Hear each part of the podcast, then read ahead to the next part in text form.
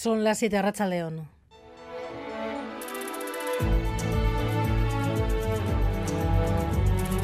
Gambara con Arancha García.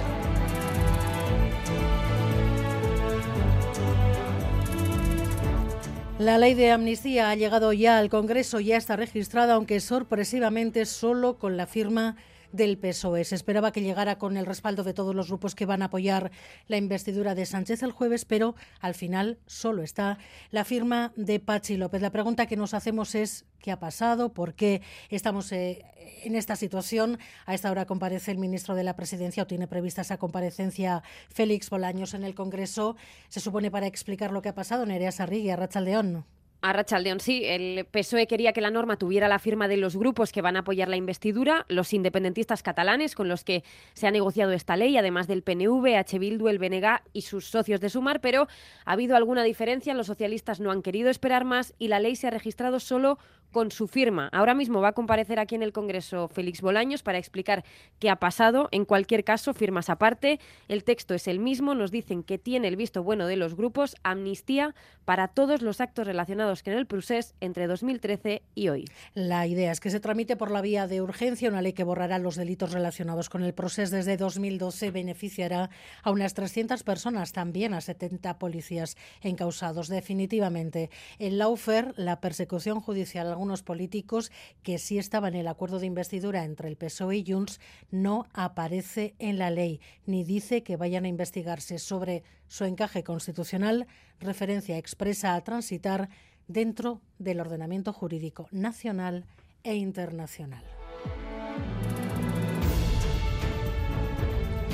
Con la ley de amnistía cerrada y ya registrada, la presidenta del Congreso ha fijado las fechas para la investidura sin sorpresas los días 15 y 16 dentro de dos días. El Partido Popular y Vox, sin embargo, han decidido subir la presión. El PP, motivado por las manifestaciones de ayer, sube un grado su presión contra la ley y también contra Pedro Sánchez. Por permitir esta humillación de nuestro país por permitir la humillación de nuestro Estado de Derecho, por permitir la humillación de la separación de poderes esencial en cualquier democracia, creo que debería irse de este país en un maletero el propio Pedro Sánchez. Vox llama a la movilización permanente y el Congreso está ya prácticamente blindado ante las llamadas a rodearlo los días de la investidura. El último pronunciamiento, el de la COE, la patronal, que se ha reunido de urgencia esta tarde, John Fernández Mora. Sí, la COE se muestra contraria a la amnistía. En un comunicado, la patronal española alerta del grave menoscabo que estos acuerdos pueden suponer a la separación de poderes. Considera además la COE, ya en el ámbito económico,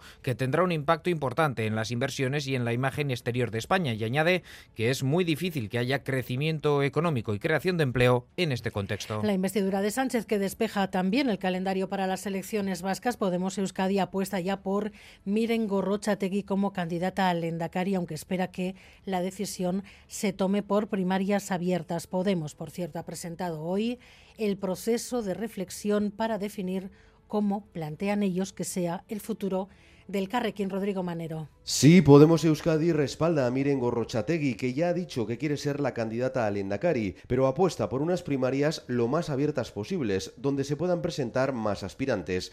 La formación morada quiere entenderse con Sumar, aunque reconoce que este proyecto no tiene estructura en Euskadi, solo un diputado, Lander Martínez, y advierte de que no aceptará designaciones a dedo. La formación morada quiere aclarar el panorama antes de que acabe el año y empieza ya en paralelo un proceso participativo para relanzar y ampliar el proyecto de la izquierda vasca alternativa. A las 8 entrevistaremos aquí en Gambara a Pilar Garrido y tres meses después del paso del Tour por Euskal Herria, hoy sabemos cuántos millones dejó la carrera en nuestro país.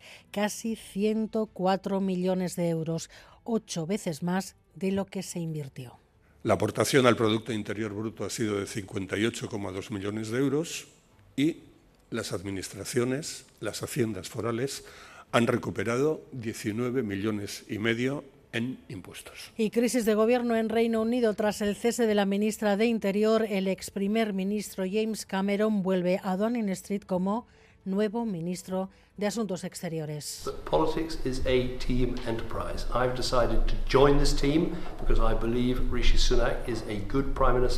Cameron, que muestra su apoyo a Rishi Sunak en estos difíciles momentos para el país. Cameron, el hombre que se fue por el Brexit, que vuelve ahora a la primera fila de la política en Reino Unido. Y en Gaza los hospitales en situación crítica siguen siendo atacados por tierra y aire. Los ministros de Exteriores de la Unión Europea han exigido a Israel pausas humanitarias inmediatas y nuevos pasos para la entrada de ayuda. Josep Borrell viajará a la zona pasado mañana. Hemos estado demasiado ausentes de la solución de este problema que hemos delegado en Estados Unidos, pero ahora Europa tiene que comprometerse más. Si no se encuentra una solución ahora, viviremos un ciclo de violencias que se perpetuará de generación en generación, de funeral en funeral. Y en carreteras, precaución en estos momentos en la Nacional 634 en Echevarri, sentido Bilbao. Ha habido una colisión por alcance entre tres vehículos. No hay heridos, pero se está obstaculizando el tráfico en 634 Echevarri, sentido Bilbao. Y la contra para el falso guardia civil detectado cuando quería que atendieran preferentemente a dos amigos en el hospital de Basurto. Xavier Madariaga. Las alarmas saltaron cuando el 1 de noviembre el joven de 23 años apareció en el hospital de Basurto, placa de la Guardia Civil en mano. Reclamaba un trato de favor en las urgencias para dos de sus amigos. Solo eso ya resultó sospechoso. Nos han dado más detalles en la Concejalía de Seguridad del Ayuntamiento de Bilbao. Se identificó como Guardia Civil. Su comportamiento extrañó al propio personal sanitario que puso los hechos en conocimiento de una patrulla de la Policía Municipal. En el mismo hospital los agentes procedieron a identificar al hombre que reconoció de inmediato no ser guardia civil. Así es que lo primero que hicieron fue retirarle la placa. Se le citó además en dependencias policiales al día siguiente y allí apareció al volante de un coche sin tener permiso de conducir.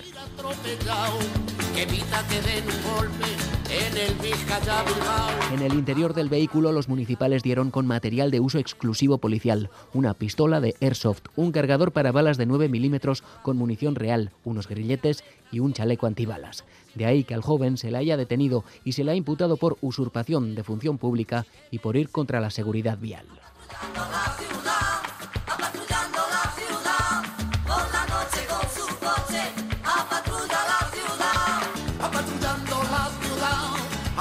Miguel Ortiz y Alberto Subel ya están en la dirección técnica, Cristina Vázquez en la producción.